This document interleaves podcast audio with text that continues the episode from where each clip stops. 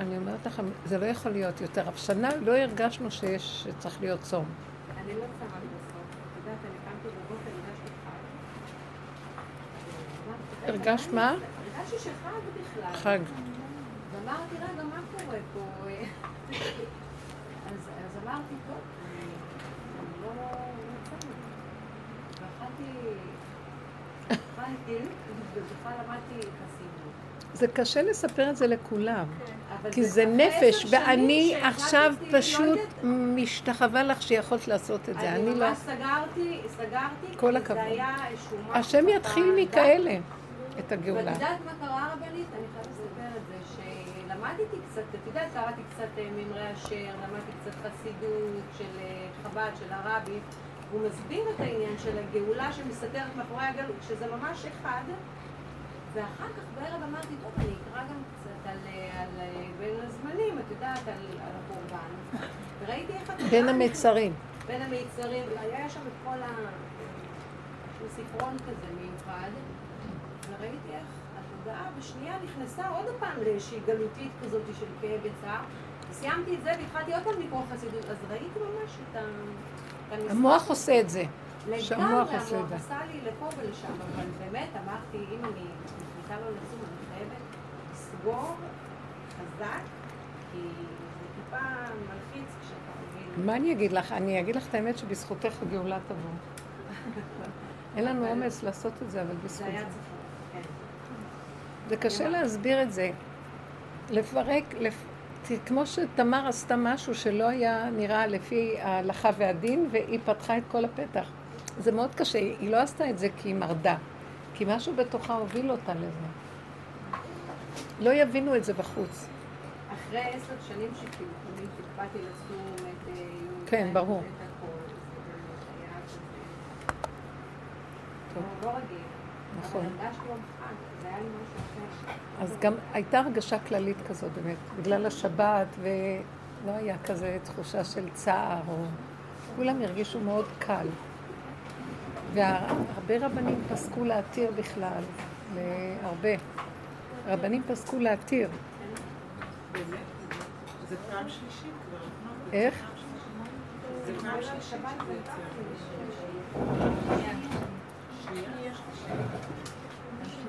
מה?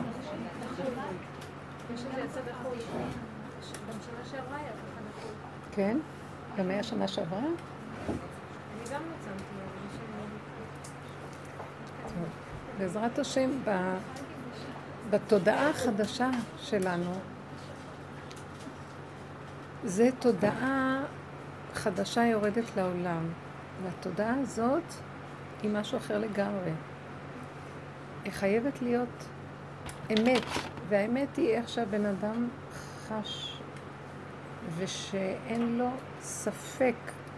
אם יש לו ספק, אז הוא לא יכול. הוא צריך ללכת על המוח ועל התוכנית של עץ הדת, ש... שההלכה פוסקת. אבל בתוכנית החדשה של האור חדש, מקלו יגיד לו. עמי מקלו יגיד לו, מה שקל לו, מה שהנפש שלו שמחה בו, הוא לא ירצה, זה יהיה חייב ללכת עם הנפש.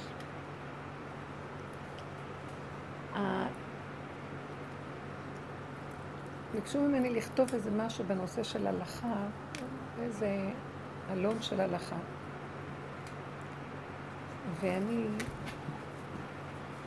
אולי זה מתאים שאני, משהו שקשור על התפילה.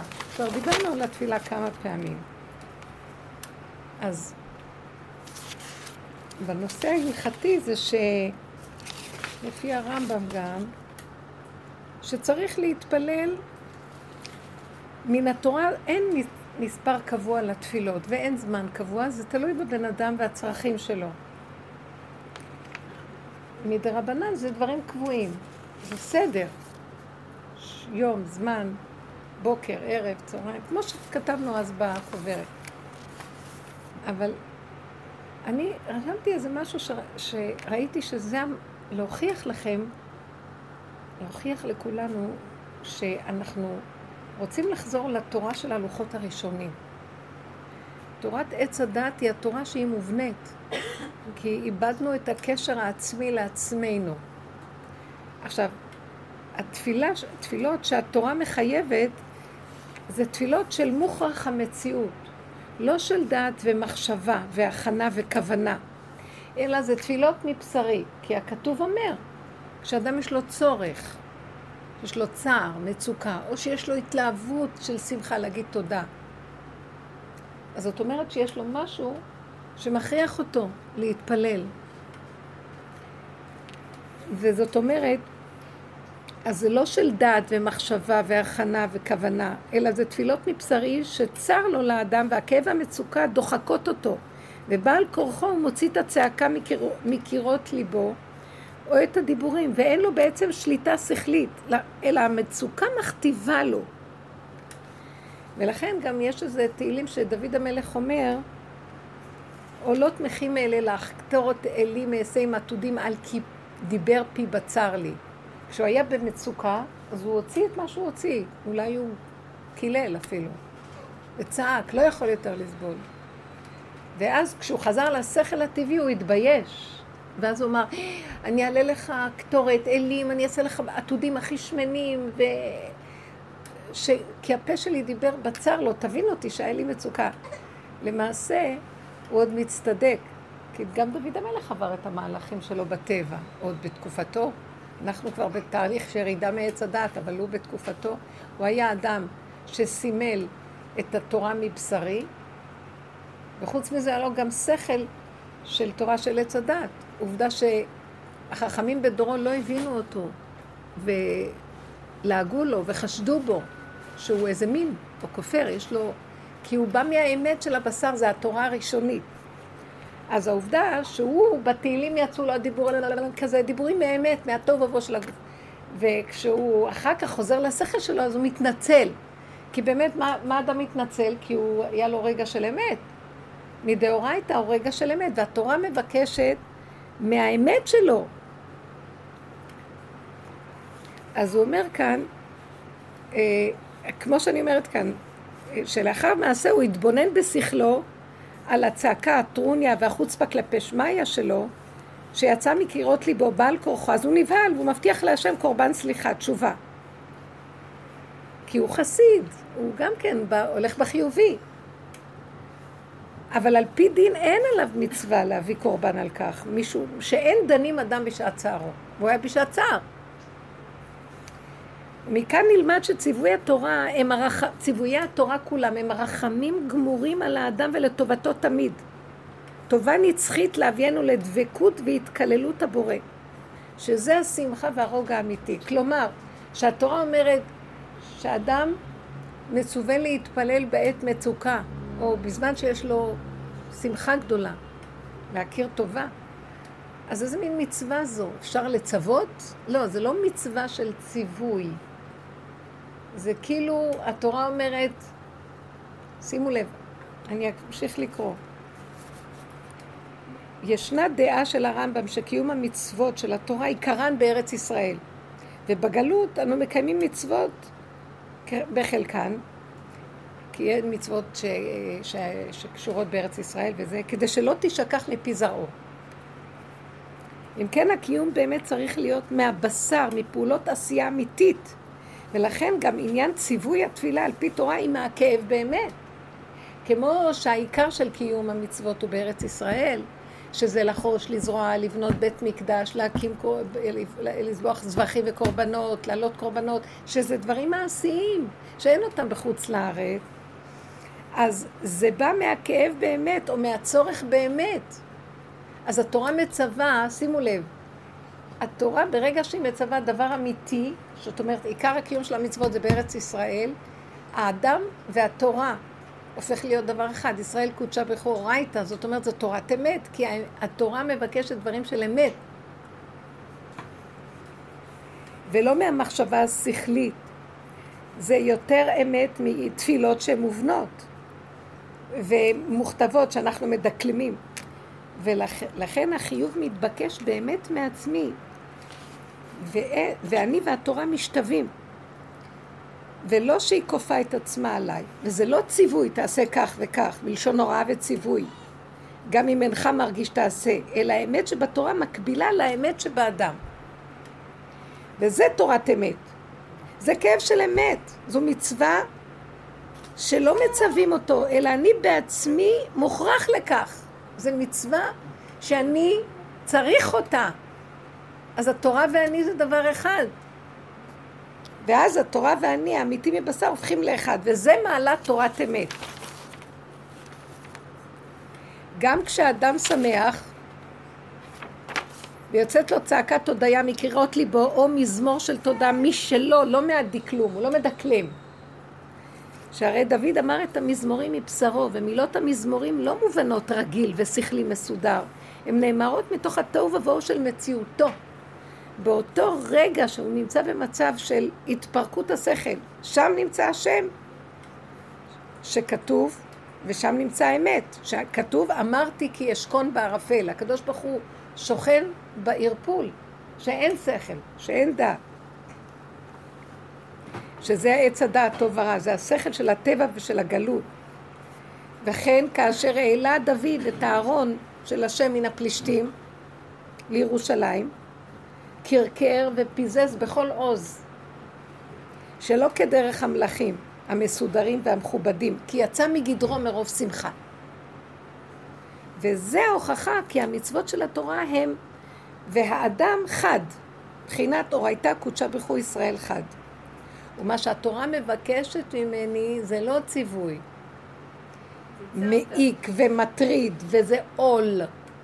זה מוכרח המציאות ממש, ובלעדיו אין לי חיים. אז זאת אומרת, חובת התפילה מהתורה מכריחה אותי להיות קשור לבשרי, לאמת, ומשם לצעוק או לשמוח. ואז מתקיים קרוב השם לכל קוריו, לכל אשר יקראו באמת. כי אני באמת. זה לא דבר שמובנה לי בשכל.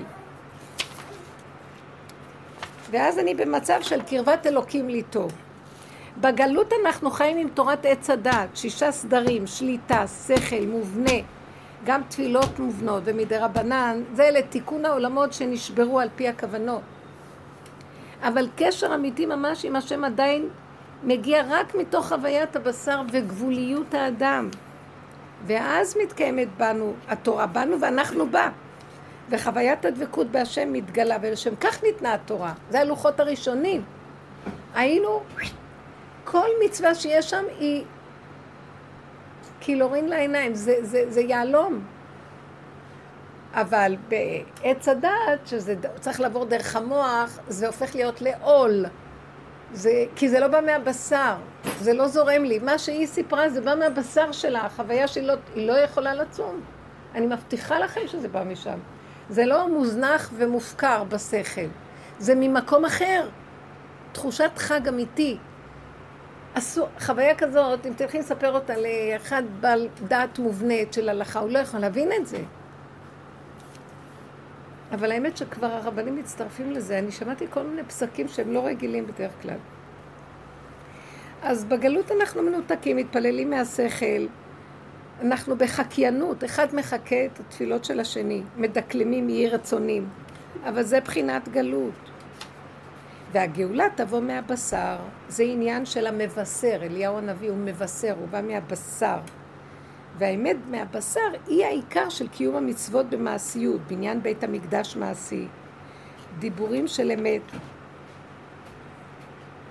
וקיום של, זה נקרא תורה שבעל פה, שזה בא מהבשר, והיא מתאימה לכל אחד ואחד, ואין עליה עוררים.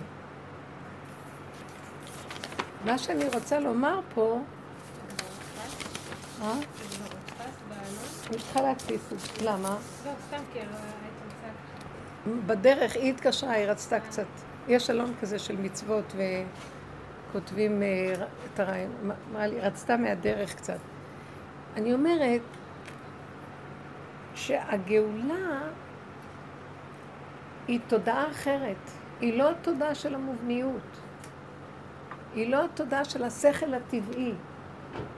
היא לא התודה של הוא אמר לי, הוא הרגיז אותי, נעלבתי ממנו, הוא היה צריך לעשות ככה והוא לא עושה ככה.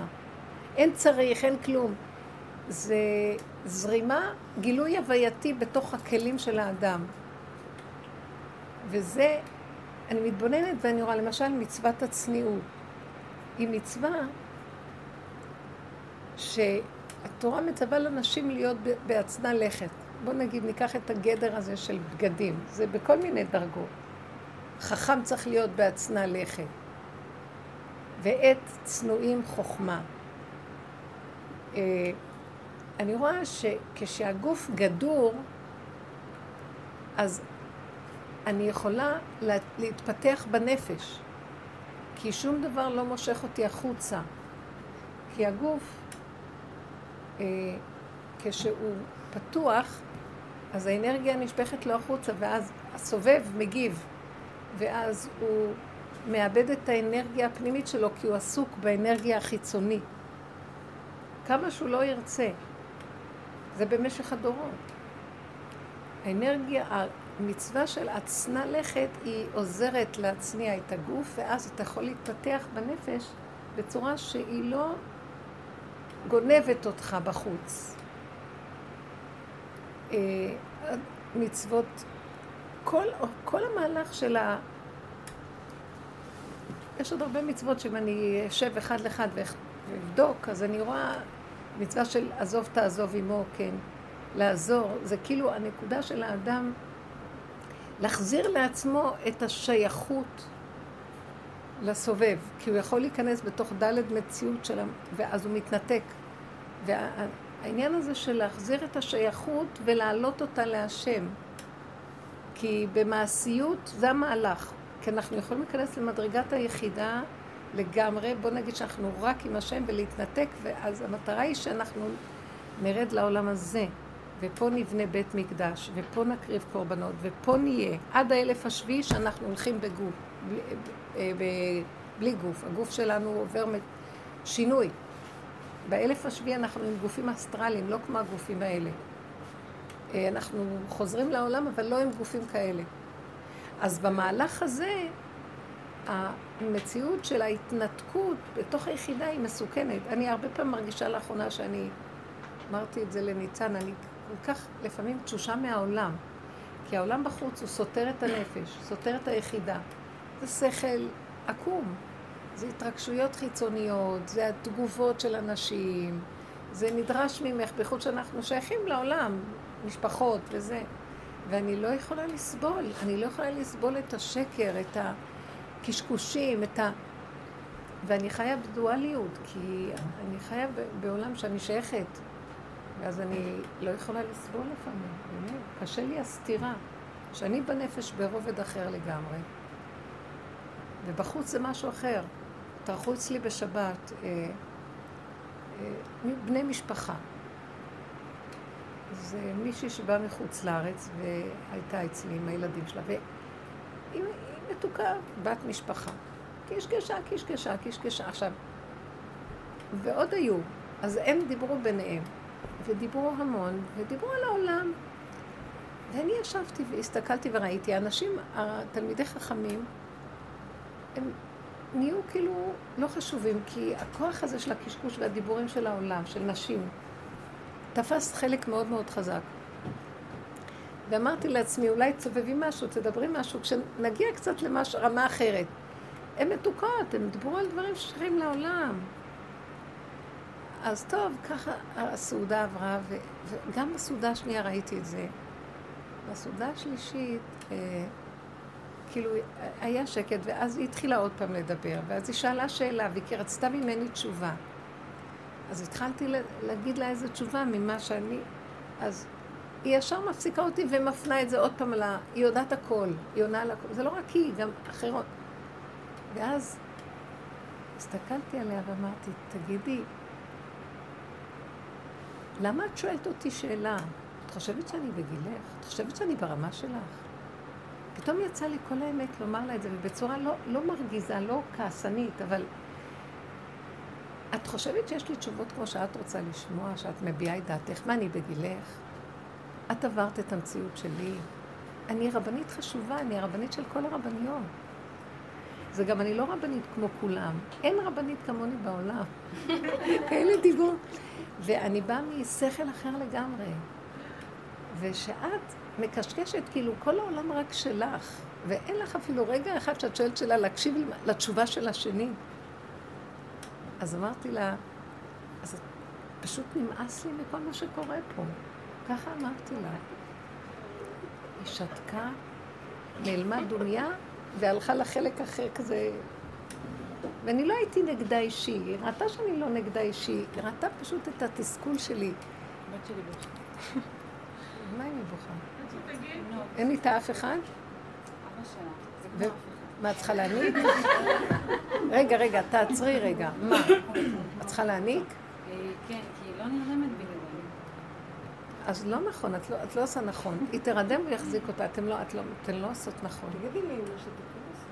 אתן לא עושות נכון. תשבי ותגידי שיצאת והיה פקק נוראי. תשקרי, תשקרי על ימין ועל שמאל, תשקרי. זה לא נורמלי, הוא יכול להסתדר איתה. נוח להם שהכל מסודר תמיד איך ש... זה לא נכון, הילדה אין לה בעיה, אין לה כלום, היא אכלה והכל בסדר. לא. עכשיו היא תלך, אתם מבינים? אין, היא נמכרה. לא, את, אתם חייבים להילחם על הנקודה שלכם. אל ת... גם יש לכם צער, ת, תעזבו קצת את הילדים, תברחו. תברחו ואל תאמינו לכלום. תציבו עובדות, לא יקרה כלום. זה השיעור שלו. לא, אני מבטיחה לכם שאנחנו יותר מדי מתרצות לעולם, וזה מה שאני עשיתי כל השנים, לתת להם את המקום וזה וזה, ופתאום יצא לי, כי אני חיה בדואליות מזעזעת. ואני איתם, כי מה אני יכולה לעשות? את לא יכולה מאף מקום, כי זה מתגבר, השוטים מתגברים. ואז הדואליות הזאת גורמת לי שאני רוצה לברוח לתוך עצמי, וזה מה שאני עושה. רק יש לי פנאי, אני צונחת לתוך המעיים שלי, נעלמת, אוטמת את הכל צוללת, ואז לאחרונה אני לא שומעת טוב. עוד אוזן אחת לא ש... אני כבר הרבה זמן ככה, האוזן השנייה מצטרכת. כי אני מרגישה שאני בורחת מהעולם. אני אומרת לו, לא שם, אני לא יכולה לחיות בדואליות הזאת. תאחד את המצבים. זה מדי מדי סותר הכל. תורת עץ הדת ותורת עץ החיים. אנחנו הולכים לחשוף את תורת עץ החיים. תעזור, שכאן יקבלו את זה. כי זה נראה מוזר. עכשיו תלכי להגיד מה שאת אמרת, זה נראה מוזר. גם עדיין, למרות שעכשיו כבר אנשים גם כן. אבל תחשבי שאת חיה ותחשבי שאני חיה. אין מצב כזה. למרות שהרבה אוכלות בשקט. החסידות אוכלות. אני לא באה להגיד מי אוכל, לא אוכל ומה אומרים, לא אכפת לי כלום. אני באה להגיד, זה גם לא קשור לעניין הזה של לאכול או לא לאכול. זה קשור לעצבות של הגלות. וכל המהלך הזה של לפרק אותו,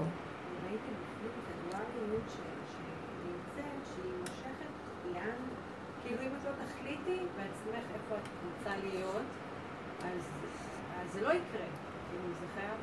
נורא, מאוד נפלא, את אומרת, תקשיבו, בשבת, לא. אחרי הסיפור הזה, הלכתי לחדר, וקצת נכנסתי למין, אה, זה לא נמנום, אבל קצת שקט, צלילה. הלכתי לצלול. ואז אני כאילו נכנסת לתוך איזה, כמו, כמו שביל או אכסדרה כזאת, פרוזדור, ויש שם שער, ככה, זה, זה לא היה שינה, זה מין חז, חז, חז, מחזה. ואני דופקת בשער ואני רוצה להיכנס. ואז אומרים לי, ואז לא נותנים לי. אני רוצה, ואני נלחמת להיכנס, ואני רואה, לא נותנים. ואז אני צועקת, למה אתם לא נותנים לי להיכנס? למה לא נותנים לי להיכנס? אנשים שנמצאים שם, אני יודעת מי הם, למה נתתם להם להיכנס? כאילו זה האנשים החיוביים שיושבים מסביב ושייכים לתודעת עץ הדעת, צדיקים בתודעת עץ הדעת. ואז אני אומרת, למה להם נתתם להיכנס? כי יש לי ידיעה שהם יושבים שם ואני בחוץ. אז התשובה שבאה זה כי את לא שלמה עם הפגם שלך, הם שלמים. הם שלמים עם החיוביות שלהם. נכון שהחיוביות שלהם היא דרגה יותר פחותה מאשר להיות שלמה עם השלילי שלך, כי הם רוב העולם בחיוביות, וזה נוח להיות חיובי, וכולם אוהבים את כולם שהם חיוביים, ואין להם עמל והגיע, אבל הם, ששלילי יעמוד ליד חיובי, כסחו אותו. אז מסתירה את השלילי, כי אנחנו עובדים עם הפגם והשלילי, כי עיקר הגאולה תבוא אם רק כשאנחנו נלך לשלילה ונפרק אותה ונביא אותה לנקודה של השלמה. כי רק זה מה שמפריע לגאולה. אז אני עובדת במקום הזה, את עובדת, את יותר מהם, בטוח.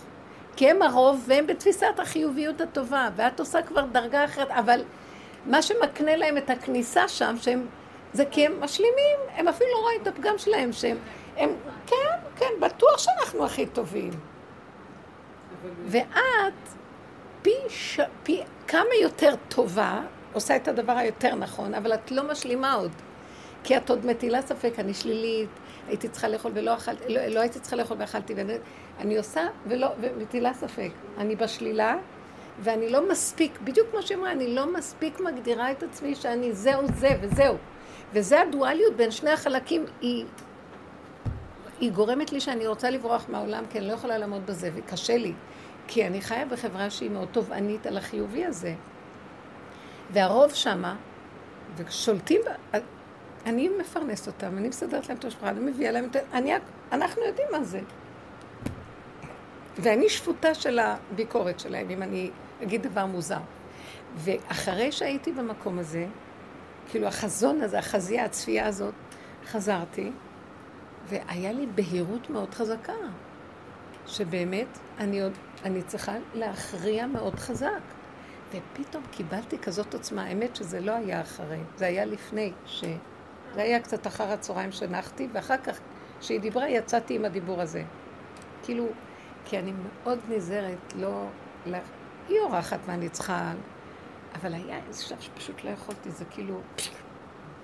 כמו נחש יצא ועשה ככה, תשתקי כבר. חושבת שאני יכולה לסבול את הקשקושים שלך? תתעוררו, ואז רציתי לצעוק צעקה נוראית, תתעוררו, מטומטמים, אתם לא מבינים שאתם דפוקים, מטומטמים, אין לכם שכל, לכו לישון. איך אתם עוד שולטים כאן בכלל בעולם? כל המטומטמים יושבים, המשרות שלהם, הכוחות שלהם, גם כולל, סליחה שאני אגיד לכם, גם לפעמים כולל מציאות של רבנות וכל השאר. אי אפשר כבר לסבול, אין עדינות, כולם על הכבוד ועל הגדלות ועל הפרסום ועל המי יותר ממה, והר הבית שמם ושועלים ילכו בו. אי אפשר לעשות כלום ככה. יש התנגדות לכל דבר, כי מההתנגדות מקבלים חיות. מתנגדים לכל דבר כי אנחנו יודעים הכול. אין הכנעה ופנימיות של תשתוק. תשמע את הקול של השם, תשמע את הבשר ודם אומר לך מה לעשות. לא, הכל בא מהמוח. ואיזה גדלות יש לו. עמלק מתהדר בכיסא גדול, וזה מאוד קשה. והפשוטים ברחו למדבריות, הפשוטים, החכמים ברחו למדבריות, ואין להם מקום. ופתאום ראיתי שאני חייבת להגדיר חזק, זה קשה, תבינו שזה קשה, בגלל שהרצון לקרב הוא לשתוק, והעניין של האיפוק והעבודה כל הזמן, ולא לתת לצבעים לצאת, זה כל הזמן עבודה פנימית, עד שתגיעי למקום שאת לא יכולה יותר. אז מה, מה שראיתי שקורה לי, אני מוכנה למות ולא לפגוע באף אחד. ואז אני צוללת ורוצה לברוח מהעולם. אבל כאילו, השם אומר לי, אני מפסיד אותך פה, אני צריך אותך פה, אני צריך אתכם פה. אני צריך את הכלים שרוקנתם, אז איך אני אתגלה? אז תקומי ותצאי. אני לא רוצה לצאת, אבל אם כבר יגיעו למקום הזה, יש לך גם מה להגיד, תגידי. לכם אני באה ואומרת, כי אתן רוצות לשמוע, ושמה... ובאמת, אני, אני אחר כך הייתי שזה אני עושה להם את זה, בגלל שהם שואלים אותי, למה את לא מרשה שאנחנו נבוא לשמוע את השיעורים שלך? היה תקופה שלא הרשיתי. כי אז אמרתי להם, כי אתם לא באים באמת לשמוע, אתם לא יכולים אחר כך לצחוק על הכל. אתם צריכות לבוא באמת מתוך הבשר שכואב לכם משהו. אבל הן מבינות את זה, הן פשוט, זה מאוד קשה לתפיסה הזאת שאתה חי... איך, איך? אני אומרת שזה לא ממקום, אני חושבת שהן פשוט, הן שבויות בתוך מקום, שבויות, בסדר, נכון, בדיוק, הן שבויות, ממש. אני צריכה קצת מים, אפשר? נטע, קצת מים. נכון, הם שבויות. לתת איזה צוהר, את יודעת, סתם אני אומרת, אני כאילו ככה אני מרגישה כאילו אני ירושלים, ואני כל הזמן שומעת. את השיעור הזה של ירושלים, שגם היא עושה... כן, כן, זה לא נורמלי, אבל זה לא אני והם, זה, הדואליות של העולם. אני מסמלת פה את כל העולם הולך בכיוון אחד, ואברהם בכיוון אחר. אם השם אתה לא תעזור לו, לא יכול להיות פה. תודה. אני אשתף לך מה שקרה לי בשיעור הזה, ש... וזה כאילו ליווה אותי ונתן לי את הכוח הזה. הבן שלי נמצא ב... היה ב... במקום לחינוך מיוחד, ילדים תסלולי דם, אה, מקום חרדי, הכל מדהים. מי יפה, מטופח, כל היום מתנות נעימות. בירושלים? לא, לא, אני לא רוצה זה.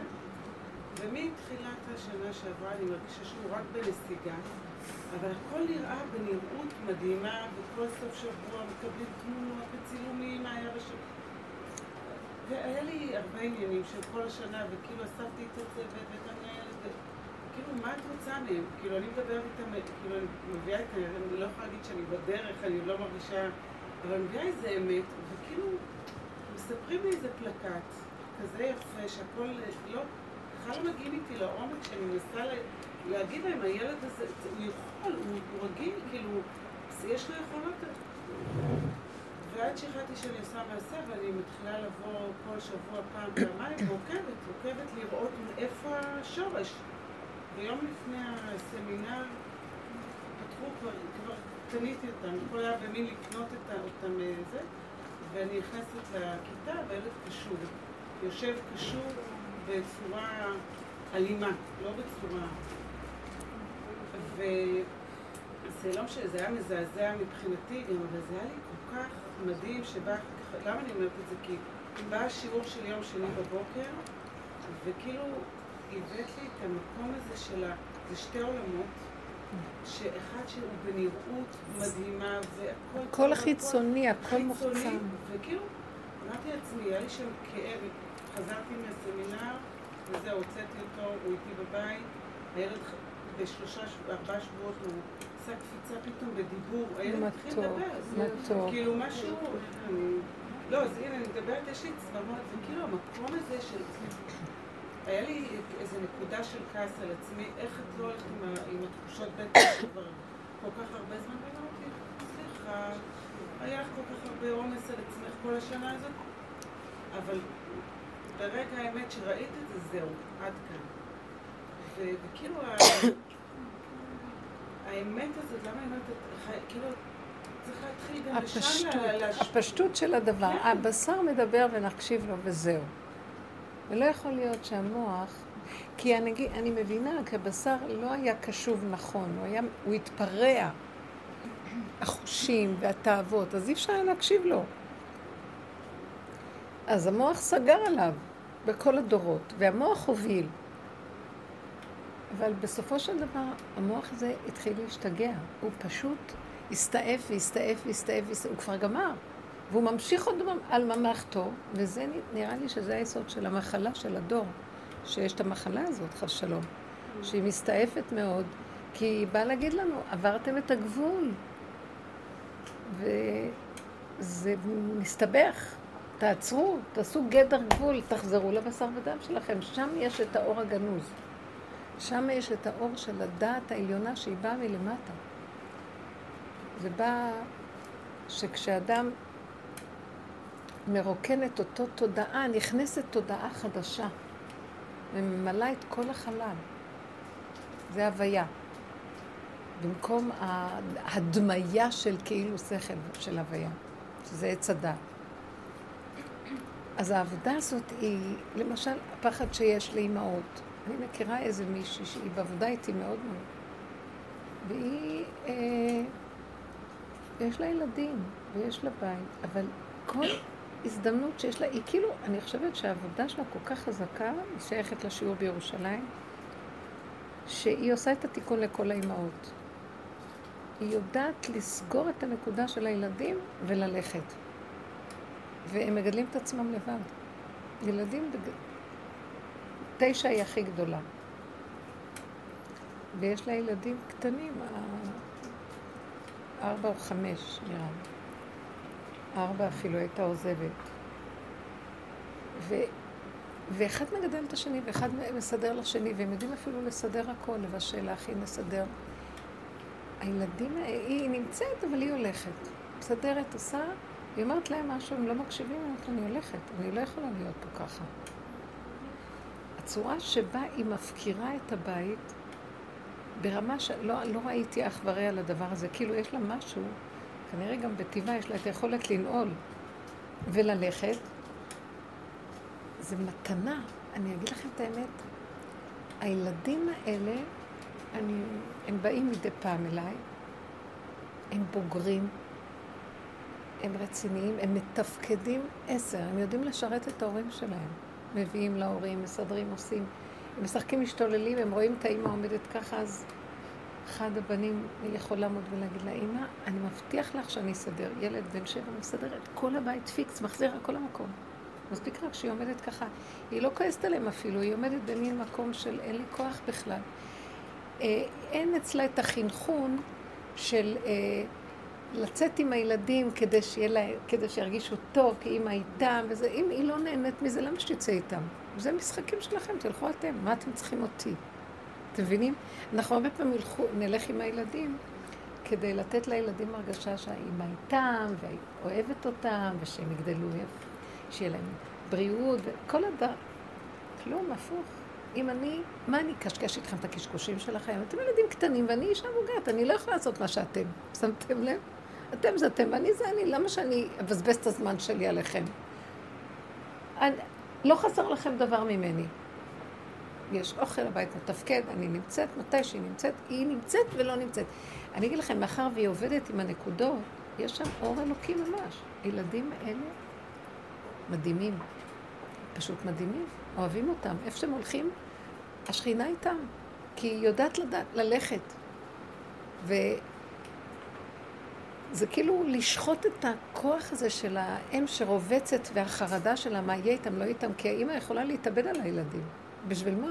מיותר למדי. אנחנו בדור של לא אימא, של הבת מלך, של הבת, לא של האימא. יש אבא, אימא, בן ובת. זה י' כו' כ'. אז אנחנו בדור של המלכות. המלכות זה הבת. הבת היא צריכה לדאוג לעצמה, זה היסוד של היחידה. היא לא מבינה.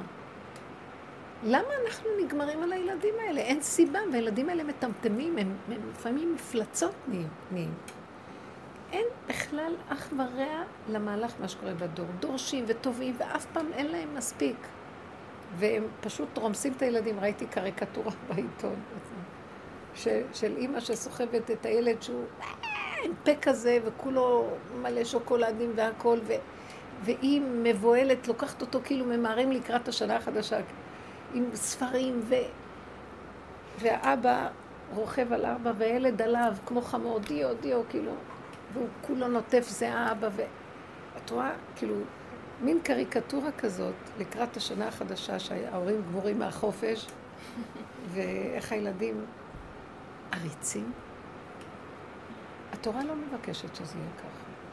תדעו לכם, זה תסמונת קשה של הדור. גם בעולם החרדי מפנקים את הילדים בצורה חולנית. כאילו, מי הם? הם, הם מרכז העולם, והם משתים בהורים. אתם לא יכולים לתאר לעצמכם. כל פיפס הכי קטן, הילדים תובעים תשומת לב בצורה חולנית. וצועקים ודורשים, ומה שלא קונים להם, תמיד הם ירצו להיות מרכז העולם. יושבים בשולחן, הופכים את כל השולחן. וכמה פעמים אני אומרת לילדים שלי, אני אומרת, לא, אני לא אומרת להם, אני עושה, נעשה שולחן קטן לילדים, או נאכיל אותם קודם, כי הם לא נותנים, זה מאוד קשה. לא, הם רוצים שיגידו דבר תורה, לא יודע, הם ילדים קטנים, אבל uh, שיביאו את זה מהחיידר. גם זה טיפשי. אפשר לשבת, אבא יכול לשבת שלוש-ארבע דקות עם ילד ולתת לו תשומת לב, גם האימא, בזמן אחר. אי אפשר לנהל ככה שולחן, הם צורכים, וזה מאוד קשה, שעה מאוחרת שבת. המהלך הזה, כאילו, יש משהו דפוק בגישה. וצריך לדעת שההורה עבר את הגבול. ולמה? כי הוא רוצה להיטיב הוא לא מחובר לעצמו, והוא רוצה, המצפון של השכל, של עץ הדת, רובץ עליו וחונק אותו, הורג אותו. שהוא לא עושה ככה, לא יש חרדה, הורים מאוד מבוהלים. משטרה תהיה עליהם אם אה, ילד רק ינת, אה, יתלונן או משהו. כשהורים שוכחים את הילדים במכוניות, זה מראה שאין להם כוח אליהם מזמן כבר. אתם לא מבינים? זה אחת תופעות שאת מראה ש... איך יכול להיות שהורה ישכח את הילד? איך יכול להיות שאבא ישכח את הילד? אולי אבות יותר מאמהות שוכחים. איך יכול להיות? הם לא יכולים לסבול את החיים כבר. זה תת-הכרתי לשכוח כבר. לא יכולים. לא רוצים, לא יכולים להכיל. וזה לא פייר גם לדרוש את זה מהם. לכן משחררים את, את הדין מהם, לא, לא דנים אותם, באמת. אה?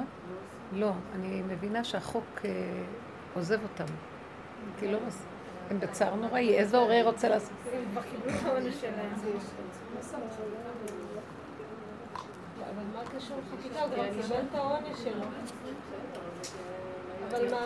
ואז אם אה, כאילו... עכשיו, אנחנו דיברנו רק, נחזור לנקודה, זה לא חשוב, אני לא אומרת שנפקיר את הילדים, אני אומרת שכל פעם שיש לך, כמו עכשיו, את החרדה הזאת, תעצרי. מה? את מחליטה שזה נכון, כמו שהיא אמרה. מאוד אהבתי מה שאמרת, נטע. תגדירי. אני לא, וזהו. ו... ובדרך שאדם רוצה לילך, מוליכים אותו. אין יכול להיות. היא אכלה, נתת לה לאכול לפני שיצאת, בטוח הענקת על ימין ועל שמאל, נכון? היא לא צריכה להיות רעבה עכשיו. היא פשוט, היא מרגישה את הלחץ של האבא, ואבא מאוד מתנגד שאת עוזבת אותה. הוא לא רוצה שתלכי לשיעור. ברור. אז הוא יחזיר אותך ברגע אחד, מה? אז זה לא בסדר, אז יש לו עכשיו בעיה שהיא התעוררה והיא הייתה. ולמה את מספקת את זה? כי ככה זה מובן מאליו שיהיה לא. מה, אני לא בן אדם? את לא בן אדם? מה זאת אומרת, הילדה הזאת, כי את מניקה אותה? אם את כזאת, אז אתה... למה היא מאוד קשורה אלייך גם כן? גם יש איזה גבול שצריך לדעת לשחרר כבר מגיל קטן. זה לא להזניח חלילה, זה לא לתת מותרות. יש מותרות. ואז הילדים האלה בוכים, משתגעים, לא יכולים לישון, את צריכה להשכיב אותם ול... עם אה, תנודות ולנסוע סיבובים עם האוטו או עם העגלות. למה? אין דבר יותר טבעי מאשר תינוק שישן. שימי אותו בעגלה והוא נרדם כי הוא עייף. מה? למה צריך, למה יש לו איסורים בתרדמת, בלישון? כי זה דפוס שיצרת. ולא מבינה את זה. אני מכירה מישהי שהיא קרובה אליי מאוד. ואז אני אומרת לה, מגיל קטן ראיתי, אמר, כאילו, אני רואה איך היא מחבקת תינוקת, ואיך היא נותנת, ואיך היא זה... אה, בצורה... היא, היא, היא נול, לפני שהיא נולדה, היא, היא נולדה עם תינוקות ביד, ככה היא נראית. אימא. עכשיו, אני אמרתי לה, תזוזי קצת מהילדים, תניחי לה. לא, בכלל, מי, מי מקשיב על מה שאת מדברת? הם יודעים הכל. עכשיו, בגיל חמישה חודשים, היא לא נותנת להם מנוחה. רגע, את רואה אותם כל היום מנדנדים אותה. יש לה שעות כאלה. זה לא צריך להיות ככה. ילד אכל, הטיטול מוחלב. בוא נגיד, מדי פעם יש שיניים, יש דברים, אבל זה כל הזמן. אי אפשר לישון אם לא מנדנדים כולם, היא עוברת יד, עד שינדנדו אותה, והיא מוציאה את כולם משלווה, תגידו, זה נורמלי? אבל אני ראיתי את זה. מישהי אחרת שאני מכירה. כל מילה שהילד מדבר, מה? היא שואלת אותו, מה אתה אומר? לא אומר, מתייחסת לכל דבר שהוא אומר, מתייחסת. אני אמרתי להם, לא להתייחס לילדים, כאילו הם לא מדברים.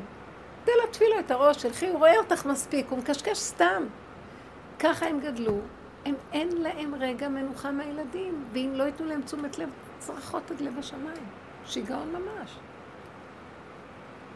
אפשר, יקשיבו?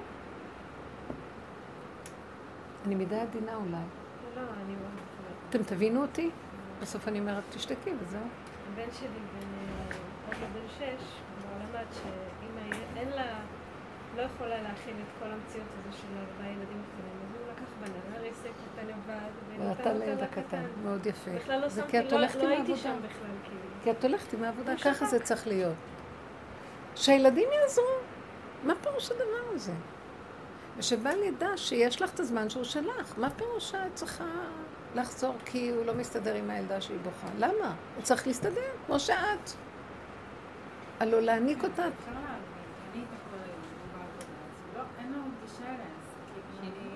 אז שעכשיו יהיה לו. את הולכת לעבודה במקומו? טוב, אנחנו לא... לא מאפשרות לגברים כאילו אנחנו לא נגד אף אחד, אנחנו בעד להיות מאוזנים, זה לא איזון. ואחר כך את תייללי, על הרבה דברים את מייללת, ולא טוב לך. וזה הנקודה. לא היינו צריכים לבוא בטענה לאף אחד, כי יש לי את האיזון שלי ואני לא יכולה יותר. יש השם שהוא יסדר את זה. איך השם יסדר את זה? הוא יכניס לו במוח להיות יותר סבלן.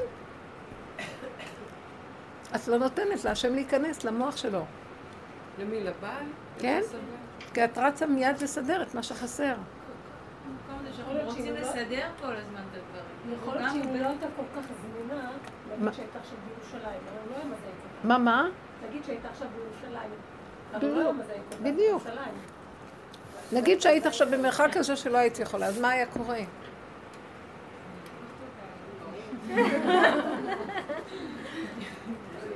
בסדר. זה הטבע. אני לא אומרת שלא נהיה עם הילדים. תראו מה שחנה עשתה אחרי עשרים ומשהו שנה שלא היה לה ילדים, כשהיא גמרה להעניק אותו, היא העלתה אותו לבית השם והשאירה אותו שם. אתם יכולים להבין מה זה אדם שקשור עם האמת ועם השם?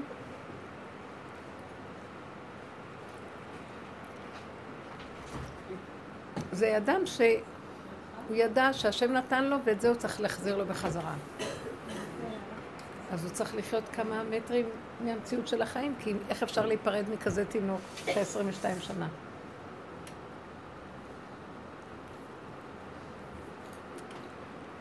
איזה גדלות.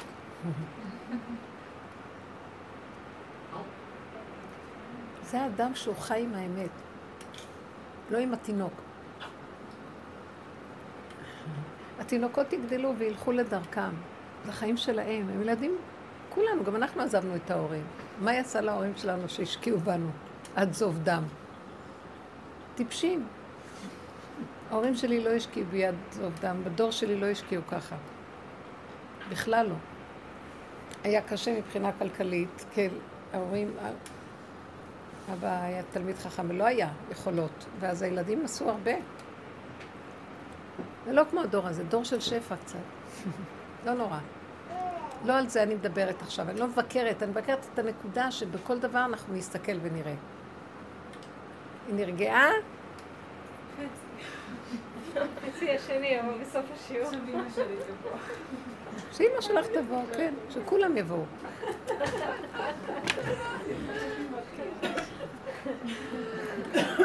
איפה היא גרה? קרוב? חמודה אימא שלך.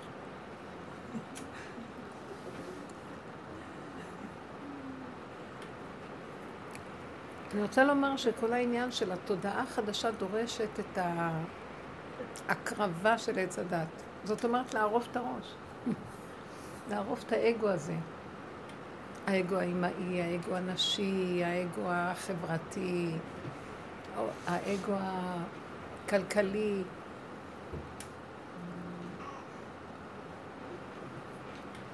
כי בלי לתת קורבנות אי אפשר להיכנס. אבל הדרגה היא שנתינת הקורבן תהיה... לא צריכים להישחט. זה לאט לאט, האמת. עד שבסוף נקודות קטנות. בחיזיון הזה שראיתי, התבררה לי נקודה מאוד חזקה. אני עוד לא מספיק הולכת עם הפגם, למה אני מתמעטת לפניהם. הם נראים, כי הם כל כך חזקים בחיוביות, ככה אני צריכה להיות חזקה בשליליות. מבינה? יגידו לי, איך את מדברת? נגיד, ברור שככה צריך לדבר. כמו שהם כל כך בטוחים בעצמם, באופן מזעזע, הביטחון. הם יושבים טוב טוב, אתם לא יכולים לתאר לעצמכם. יש להם הרבה כאלו אה? שיגבו אותם. יש להם הרבה כאלו שיגבו אותם. אנחנו די לבד. וכל החברה ככה, אבל מה, אחד מפחד מהשני באמת. רבנית, אני רוצה לשאול. כן. כל הגישה, אם אני מבינה נכון, בעצם שאין שני. בשורש של הדבר. השני הוא אמצעי אין של השם. אין שני, גם היא לא קיימת. זאת אומרת שאם היא שם עשתה פעולה שהפעילה אותך כל כך חזק, הראתה לי את אז עצמי. זה את, זה הפגם שלך, זה לא קשור אליה, אין. שני. זה מה את שהיא אומרת. מדויקת על מקומך. אז, אז כל ההוויה שמתרחשת בחדר היא אחרת לגמרי. עם כל מה שהיא, כמו שהיא בדיוק אותו דבר, בלי שהיא תעשה שינוי. אם אני מבינה נכון את המהלך. זאת אומרת, כל ההתבוננות הוא בעצם, כאילו חבל על האנרגיה שלהוציא על שהיא ככה והם ככה וההם. אבל אני אגיד לך. את האמת, כי יש זה פה קורה. אין שני בעצם. באמת באמת אם אין שני. אז אז זה ה- אז זה הניקוד שצריך להיות. באמת, באמת, זה שכל מאוד נכון. עכשיו, בין זה שאני יכולה לחיות עם השכל הזה, זה מהלך. כן. כי כמה שאני אדבר על זה ואגיד את זה ואני מתאמנת על זה, כל פעם מחדש נפתחת התיבה הזאת, ואת מרגישה את המקום שאת, שזה מתגבר. וזה העניין של הצעקה התמידית לבורא עולם, תחוס על העולם שלך. זה העניין שכל פעם חוזרים עוד פעם, על אותו מהלך. עוד פעם מעגל השנה חוזרים על אותו דבר, עוד פעם. צריך להיפסק.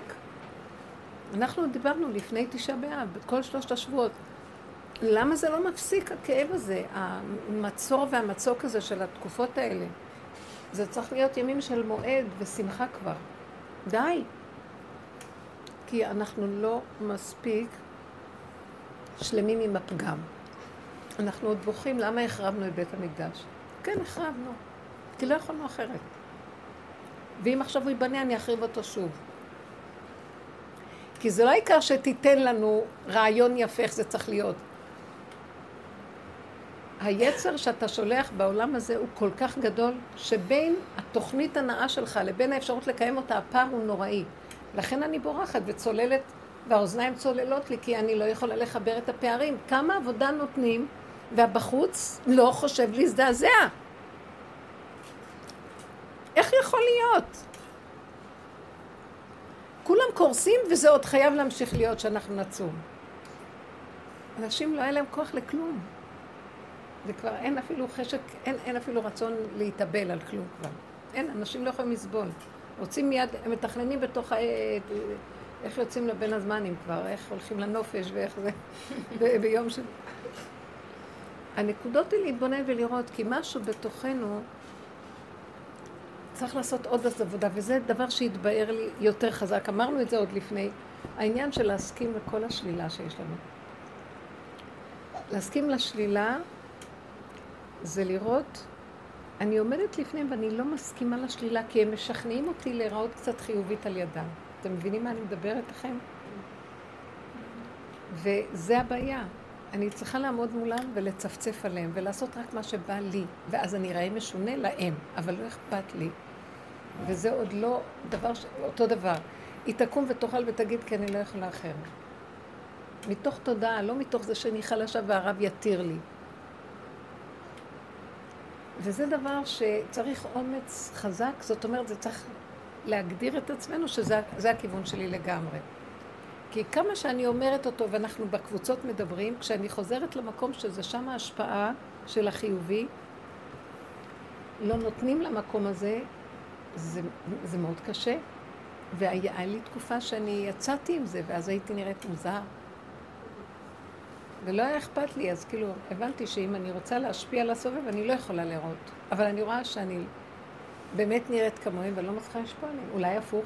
אני אצא עם כל הקשקוש וזהו. או שתקריאי קטע כזה למשל. יש לי משהו להקריא. לא, אני אומרת, אני... לדוגמה, זה לא משהו שיכול להתקבל או להישמע או ש... אני חושבת שאם תהיה אחד עם זה, באמת זה יקרה.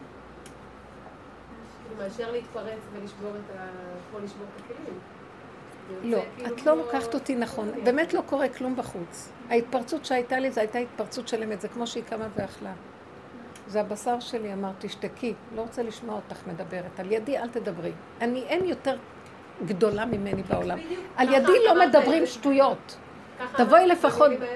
אמרתי לה, את לא יודעת שאני הרבנית הכי גדולה מכל הרבניות. כאילו, והיא שתקה. את צריכה להבין, על ידי לא מדברים קשקושים כמו שלך. כל מה שאני לא אומרת, עוד לא גמרתי להגיד מילה, היא מגיבה ישר ועם הקשקושים שלה, והיא שואלת אותי, עוד לא גמרת, גמרה לשאול, היא כבר עונה על הכל. תשתקי כבר. היא לא רואה את עצמה אפילו, לא רואים כלום, וזה התרבות, ואלה אלוהיך ישראל, ואלה שולטים בכיפה. מי אתם? ואת צריכה להתחנפן לכולם שלא ייפגעו. ואז אני אומרת, תזרקי את כולם ואל תכין להם שום סעודות ואל תזמיני אותה בכלל. הם לא יכולים? בלעדייך. לשבור את אה? הם לא יכולים בלעדייך. אף אחד גם לא יכול בלעדייך. אז יש לי גם פחד שהם יכולים בלעדיי. זה כאילו... לא, כשאני. מספרת את זה, אני רוצה שנתפוס נקודות עבודה. את חושבת שאני סתם מתפרצת? זה לא אני מתפרצת, זה משהו בתוכי שהסכים להיראות שלילית. זה דבר חדש. אבל הרבנית, בדיוק כמו שאת אני לא רוצה משתפת, להיראות שלילית, אני תמיד אוחזת בשתי הקצוות ומנסה ביניהם לתמרן. כי זה יותר חכם. אבל כשאני רואה שאתה לא בא, אתה שם אותי בין שני מהלכים שאתה צריך להתג- להתגלות בהם ולסדר אותם. אני לא יכולה לסדר הפכים. למה אתה לא עושה את זה? כי אתה מכריח אותי לצאת בפרעוני. אתה רוצה שאני אצא עם הלכלוך, כן. אז זה גם מול, כמו שהיית שותפת, זה גם מול, כאילו זה אותו דבר. ברור שזהו, אני מעדיפה שזה לא יצא בדרך הזאת, אבל כשאין ברירה. אם יגאלך טוב יגאל, שזה הגואל היפה, שיינר ייד, יהודי יפה, אבל אם לא יגאלך אנוכי, בועז, עם כל הלכלוך ועם כל הביזיון, אני יוצא. כי נראה שעל פי היופי והחן והזה לא יהיה גאולה. כי אין גאולה מזה, אין. צריך להתלכלך פה במשהו. וזה לא קל. אבל אני, אני אומרת לעצמי,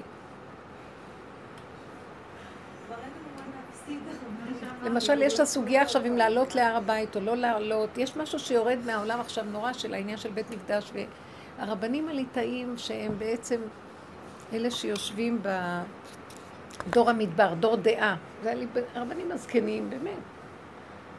כמו הרב קנייבסקי וכל הסגנון הזה שהם צדיקים, והם שייכים לעץ הדת. אז רוב הדעות פוסקות שלא לעלות להר הבית, מהחשש של כרת. אבל מי שחוקר טוב טוב את כל הסיפור ויודע את כל המבואות ואת כל המדידות ואת כל החלקים ובודק ועל פי המקורות ומה שאמרו ברמב"ם ובכל המקומות של פוסקים שחקרו, אין שום סיבה שלא, שיודעים להיזהר איפה המקומות שאסור להיכנס בהם. אז הפולמוס הזה שלא בשום אופן לא, זה לא פשוט, כאילו כל דבר זה לא פשוט, זה המהלך שהוא חייב להיפסק, כי זה מאוד פשוט. אבל יש תנועה שלמה. יש תנועה שלמה שקמה ועושה את זה. כשהן עושות, הן עובדות כבר מכינות את הדברים, והן עולות כל חודש ל... חמודות. מה הן מכינות? הן האורז ואת הבגדים, ועכשיו יש כבר, יש לי פשוט חברה שלמדה איתי, והן ממש, הן עושות... אה, זה מאיפה? מישיבת תורת כהנים? מ... הם, הנה, אלי, אל- אלי, שילה, אה, הם... שילה, מי זאת? איך קוראים לה? אלונה. אה, יש דיצה שהיא רוקמת דיצה, בארוחות. ויש את הבנות המנשה, שעושות את הרקמות מלמדות, ועכשיו הם עשו את ה... התחילו עם כהנים להתאמן, הם הכינו כבשה, כבשה כאילו מזה, והם... לא, הם עובדים עם לא, הם עושים. קורבנות, הם מנסים לעשות את אה, העניין של קורבנות. קורבנות לא צריכים בית מקדש אפילו, אפשר... לא, זה לא באמת לא, אפשר להקריב קורבן במזבח, כל מזבח. לא, ממש, והם פעם בחודש, אבל הם לא לזה, נותנים. אה, לשכת הפרוכת, אפשר לראות את זה, והם. עולים, אה, הם עולים להר הבית כל חודש, ו... כן, יש נשים שם. אבל עושים להם את המוות, שם אסור להם, ל- כאילו אסור... אסור לדבר, אסור לדבר, להתפלל. לא- שפתיים וזה. השפתיים, משהו... את יודעת למה? הוואקף הוא כאילו לא נותן. כי. למה? כי הם מבינים שהכוח של התפילה, כן. שיהודים הוא ידבר, זה יכול באמת לפרוץ את הסיפור. כן, אני, בא לי לעלות. לשם ולתת צעקה. מה הם יעשו לי? יכניסו אותי לבית סוהר? תראי, הבעיה היא זה לא הם, זה אנחנו, זה השב"כ. ברור, ברור. הם זה זה, זה אותו דבר, זה אותה הנהגה. לא נורא, זה כל העניין של לעשות את הכל מעשי. זה הנקודה שרציתי לנגוע בה. זה השלמה עם השלילה. כן, משלים עם השלילה. וזה קשה. אם התנועה הייתה חזקה של השלמה עם השלילה, היה משהו קורה. אנחנו עוד מתביישים בפני החיוב. בפני השלטון, וזה, רוצים להיראות טובים. וזה באמת נכון שאנחנו לא צריכים סתם לעורר עניינים כדי שזה לא מביא, אבל עכשיו יש תחושה חזקה ש, שהנקודה היא להסכים ליסוד הזה. אי אפשר, משיח, גילוי משיח וכל העניין של, של ההנהגה הזאת, של הגאולה האחרונה, היא חייבת התלכלכות של הטוב הזה. אי אפשר שהטוב הזה יישאר, כי הוא עץ הדעת. איך, איך? נותנת משהו כמו חמש פעמים ביום, נותנת עליהם צעקה, אני לא יכולה יותר. די. בסדר גמור, רק אל זה תצטערי. מזה. זה לא בסדר, לא בסדר, זה תקבלי את זה איך שזה בלי להטיל ספק, שזה ככה ואת לא יכולת אחרת, וזהו. מלכתחילה העניין של האיפוק הוא מאוד חשוב, כי קודם היינו צועקות על כל מה שרק אפשר, אז זה חבל על האנרגיות. אחר כך, כשאת כבר עושה את כל העבודה הזאת וזה בכל אופן יוצא, אז זה בסדר לא לתת לזה משמעות. אני רוצה כמה עם הבן שלי שבתקופה, כאילו עכשיו בחופש, אני עושה הרבה את העבודה של האיפוק. אה. ונהיה לו בשבוע וחצי האחרון, ה- ה- שהוא כל הזמן אומר, אמא, את לא עושה כלום. את לא עושה, כאילו, הוא בטרוני על זה שאני כאילו, הם מתחילים לריב, תריבו, תערבו אחד את השני, באמת. כאילו, אני. ממש אל במצב תתערבו. להם, זה מדליק להם את האש יותר. כן, לא, ברור. לא, אבל אז... לא, ואז הטענה, שום דבר, לשתוק לא, וזהו. כאילו תגידי, זה אתם זה אתם ואני זה אני. החיים הם שלכם. אם אתם לא תלמדו להסתדר, זה שייך לכם. אני פה לפיקוח נפש, אבל לא כדאי לכם להגיע למצב של פיקוח אז אני לא... כן, אחד יוריד לך את האוזן ואת העין, אז אני לא, אני לא אשמה. לא, ת, תביני למה אני מתכוונת איפוק. ברור שאנחנו מתחילים את העבודה הזאת, חייבים להתאפק, כי אנחנו מופקרים בצורה לא נורמלית. הכל כל כך מופקר. כשאת לאט לאט מתבוננת, את נכנסת פנימה, פנימה, פנימה, אז את רואה כמה הדברים הם... אה, כן. להוציא. אבל כן. אבל זה אחרי עבודה של איפוק. אחרי הרבה הרבה עבודות. אחרי הרבה עבודות של חשבונאות, ואחרי הרבה עבודות של... גם את צריכה להבין את זה, שמה שאני אמר, את שומעת? עם התינוקת. שאני, שאז אני, הנקודה שדיברנו היא אחרי הרבה הרבה הרבה עבודות. אז ברור מאליו שבהתחלה שמדברים יפה והכל, אז אנחנו הולכים על המקום, למה להגיד, למעלה כל השם יסדר את הכל, ברור. עכשיו זה השם דרכי אומר לי תקומי תעשייה, לא, זה השם לא גוף ולא דמות הגוף, צריך את המקום שלו. זה הוא בעצמו. זה הוא בעצמו יוצא עם הנקודה. כי אין לי ספק כבר, אין לי כוח גם. זה כבר מצב של אי אפשר. או שאני אצא מן העולם, או שהם יעמדו בצד, כי הם משתלטים מדי. כל כוחות השקר מדי חזקים. ואין מי שיגיד להם כלום, הם שולטים, הם לוקחים את הכסף, הם לוקחים את הכל, הם, הם בכל המחוזות. אם זה בצד החרדי, אם זה בצד הזה, זה, זה הכל טבע. מתי יקום הדבר של האמת?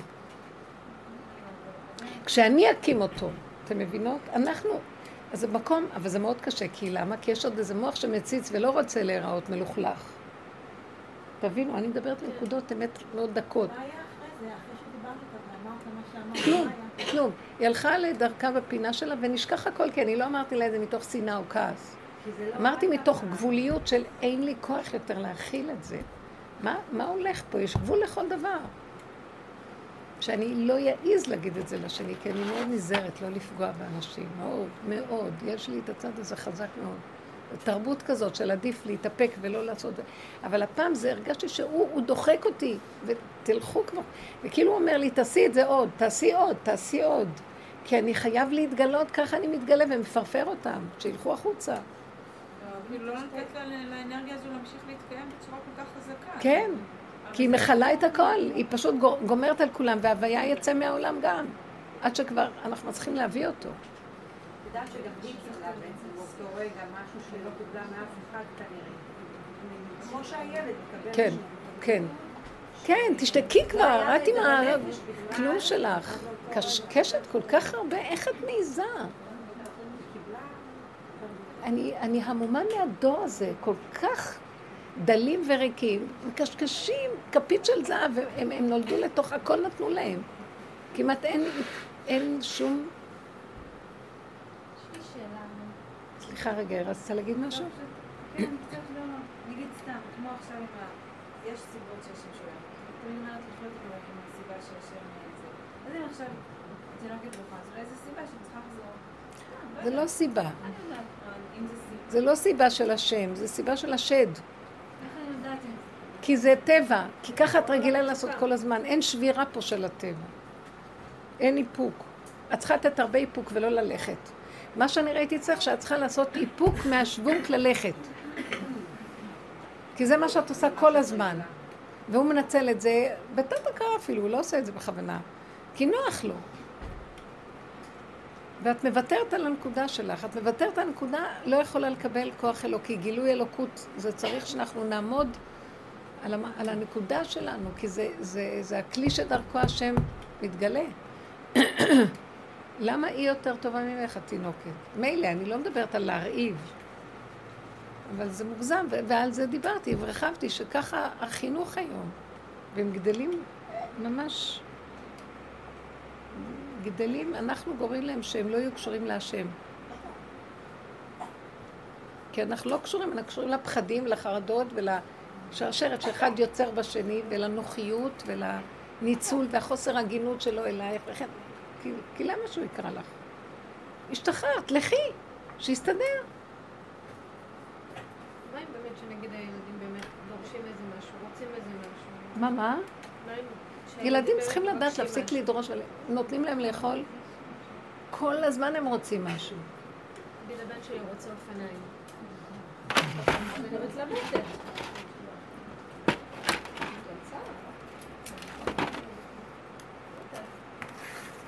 זה בסדר שהוא רוצה, זה בסדר שהוא רוצה. מה את עושה עם זה שהוא רוצה?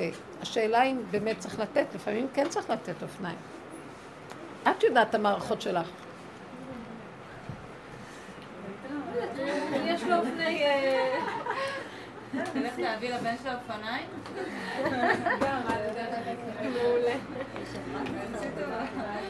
להתראות.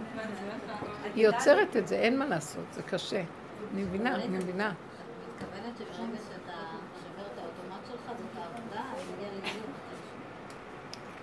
חייבים לשבור את האוטומט, בדיוק. לתת את הקונטרה של שבירה. בגלל ששם ב... בשבירה של הטבע, שם יכול להיכנס השם. כי זה מהלך אחר. עד שמגיעים לטבע הנכון, כי אנחנו לא בטבע הנכון, אנחנו לא באיזון. שוברת את החוסר איזון עד שאת מגיעה לדיוק הנכון. פעמים כן צריכים ללכת לתינוק. אני לא אמרתי שבשום אופן לא. בדיוק, בדיוק, לאוטומט הזה שהוא לא מאוזן בכלל. אבל הרבנית, יש איזו נקודה, אני סתם, אני שואלת, אני לא... אני שואלת את זה. נגיד עכשיו, במצב הזה, אה, זה הנקודה, אם אתה משחרר, יש, אני לא יודעת, אולי זה התפיסה הרוחנית שלי שהיא מעוותת, אבל אני מרגישה שהרבה פעמים יש קשר שלא משנה, אני, אני, אני פה, אבל הילד מרגיש אותי שם, כאילו מבחינה רוחנית, הוא מרגיש אותי, כאילו. ואני יכולה להגיד, השיעור הזה התחיל לי גם כל הדרך, הבן שלי שיגע אותי בטלפון, הוא עשה בלאגן לבייביסיטר, ובסוף פשוט שלחתי לה, ממש לפני שלחתי לה הודעה, תני לו לברוח, שיברח החוצה, ואני חוזרת ב-12, אני אחפש אותו. פשוט, באמת, זה מה ששלחתי.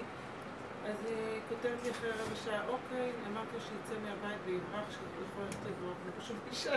וברגע שאני הרגשתי שאני עושה כל זה, שיברח, מה אכפת לי? באמת, מה אכפת לי? אני פה. יפה. ואני ראיתי ש... אם אנחנו סוגרים את הנקודה ומעלים אותה לא, להשם, כאילו, מעלים אותה כאילו, להשם זה הגבול.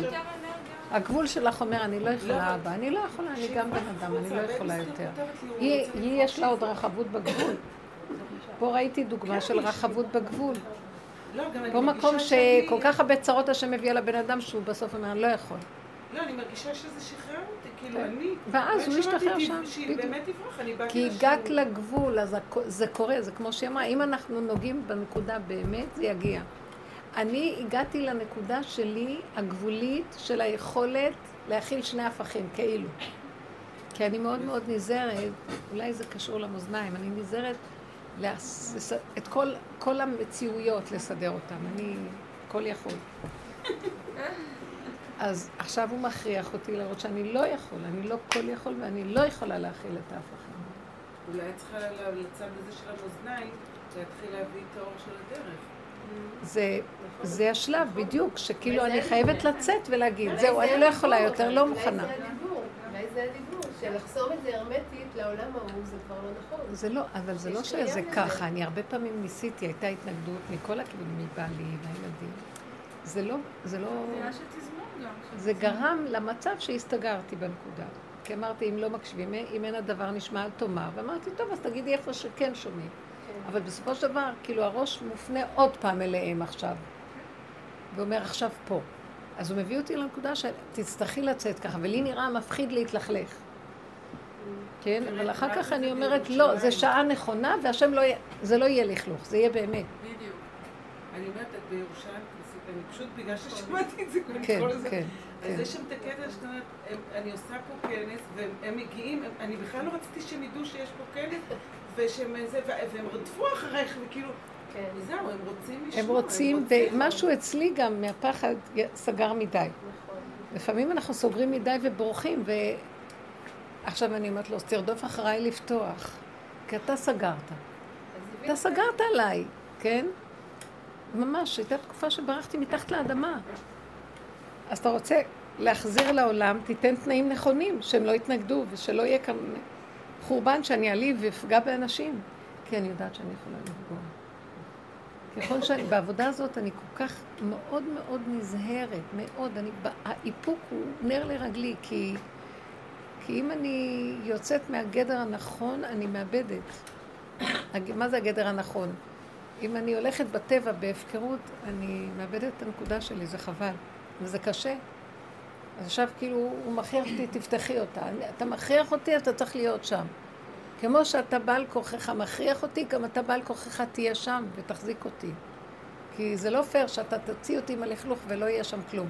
זה כמו נגיד תמר ויהודה, שהיא אמרה לבורא עולם, אתה שם לי את המחשבה של ה... תצאי עכשיו בבגדי אה, מופקרת, תהיי שם בפינה. זה לא פייר מה שאתה עושה לי. אתה מכריח אותי. אז כמו שאתה מכריח אותי, אני רוצה שבדיוק יהיה תזמון נכון, שהוא יגיע ויהיה תזמון והכל יצא, והנשמה, בדיוק הכל יהיה תזמון. זה לא פייר להשאיר אותי בלכלוך ככה. זה לא פייר לפרוע אותי ולא להיות שם בנקודה. אז תגלה אותה ותעשה לי את הכבוד הראוי. וכמה שהיה לה ביזיון, בסוף היא קיבלה את הכבוד הנכון. כתוב שבסוף נראה לי אפילו הוא התחתן איתה. ולא יסב עוד לדעתה, כתוב שהוא הוא, הוא התחתן איתו, עם תמר. כי, כי זה המקום של, זה של התפילה, אז אתה חייב להתגלות. זה הנקודה שאני עכשיו נתתי דוגמה איפה אנחנו בנקודות של השלילה, שהוא מכריח אותנו עכשיו ללכת על הקצה השני של השלילה כדי להתגלות, כי זה יסוד משיח, בלי פחד. ואז אני אומרת לו, בלי פחד, לא אכפת לי פחד ולא אכפת לי גם להתלכלך, אבל סתם ימותו ולא בחוכמה, להתלכלך מולם וכלום הם לא יקשיבו, אז למה? שאני אצא והם יקשיבו, וזה יהיה שווה. כי באמת, זה לא העניין... אה, כן. כן. הדוגמאות האלה הן דוגמאות דקות שאני הבאתי אותן מה- מהעניין שלי, אבל זה של כולנו. דעו לכם, כשאני עובדת על זה, זה גם עובד אצל כולכם. זה פשוט. זה להגיע לגבול ולהגיד, אני לא יכול, תתגלה בגבול ואתה תוביל את זה, כי זה שלך ולא שלי. וזה השלב האחרון של הגאולה. אי אפשר יותר להכיל את זה. אי אפשר להכיל את זה שנצום ככה. די, תגאל, תוריד בית המקדש, תעזור שהדברים, אי אפשר. אני. אני אמרתי לו, אתה נותן לי חשק לבית המקדש, אתה סוגר. כן, כי היו לי כל מיני תוכניות ודברים, ישר הוא סוגר. כל זה, סוגר. זה, אתה לא יכול לתת ולסגור, ת, תיתן ותפתח. כן, כן. מהלך כזה שהשם הרבה פעמים נותן לנו את הרצון למשהו, הוא עושה כאילו זה הולך, ואז הוא סוגר. והוא סוגר, בדיוק, זה הנקודה. זה כאילו- הנקודה, אבל אם אתה פותח ונותן רצון, אז תפתח. אז טוב, אתה רוצה להראות שזה אתה. טוב, את זה כבר ידענו וראינו והכל, אז התכלס זה שזה יקרה. להתעקש, להתפלל, לבקש. שזה לא יהיה סתם. בושר היה אומר, רק לא עם שיגונות. ככה הוא אומר לבור למה, רק אל תשגע אותי. שלא יהיה סתם שיגונות. אם הבשר ודם, פעם היה לי חלום שכאילו יש איזה דרקון כזה, ממש דרקון מפלצת, עם אש יוצא לו מהפה, והוא זורק כדורי אש על העולם. ומהצד השני רב אושר נמצא, תופס את הכדורי אש ועושה ככה והופך אותם כדורי שלג וזורק בחזרה. וזה משחק. כמה סבלנות צריך למשחק הזה? את יודעת מה קרה באותו יום כשצמתי? הרי הרבה זמן כבר לא היה לי חשק ליצור. את יודעת, להתעסק, לתפור, לעשות תכשיטים, בכלל לצבוע. דווקא באותו יום, פתאום היה לי חשק כזה להתעסק עם הכל. יפה, יצאה יצירה. משהו אחר. אז את יודעת, שוב פעם, זה היה קטע של... אה, אם אני מגזימה, אם אני הולכת מדי, את יודעת, עם הליהנות ולכייף, עם כל ה... שלא להיות בשיגעון. אבל... זה יצא כבר, יצא. זה, כן, אבל זה, זה, זה זרם כאילו, וצריך לזרום עם זה. זה עד הסוף. בדיוק כמו עם ה... היית כלי לדבר. בסוף אנחנו נצחק ונראה שהכל הפוך. בדיוק הכל הפוך. טוב, מתוקות שלי. רצית לשאול שאלה אחרונה, כן, אני צריכה לצאת. פשוט אני חייבת שתדייקי לי את זה.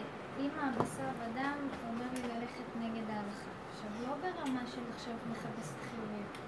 לא. כן. אז איפה זה עומד? איפה, מתי זה תעשי? תלכי לפי ההלכה.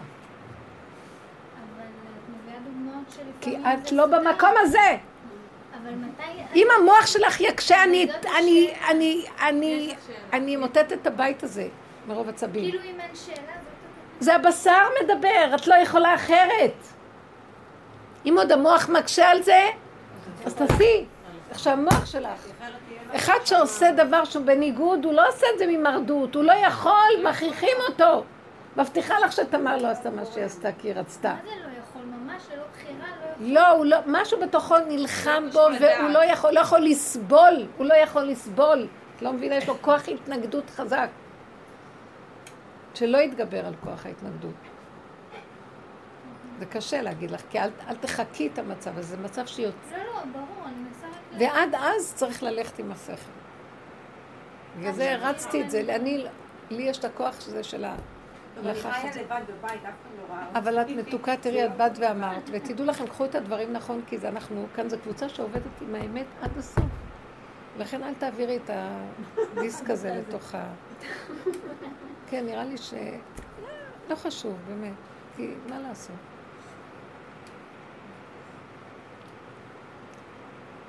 זאת עבודת יחיד, זאת עבודת הנפש, ואנחנו פשוט פה ביחד ומדברים על עבודת היחיד, כי אין ברירה, כי חייבים להיטען, חייבים. רב אושר היה, הוא לא היה נותן שהקבוצה שלו, הייתה לו קבוצה כזאת שהוא דיבר איתה, עם הדרך, שנים. הוא לא רצה שהם הם היו במחתרת. היום זה יוצא, אני מוציאה, אני מבחינת אישה מגלה סוד. ולא תמיד זה, אבל יאללה. פללו עליי. תודה ותוקות.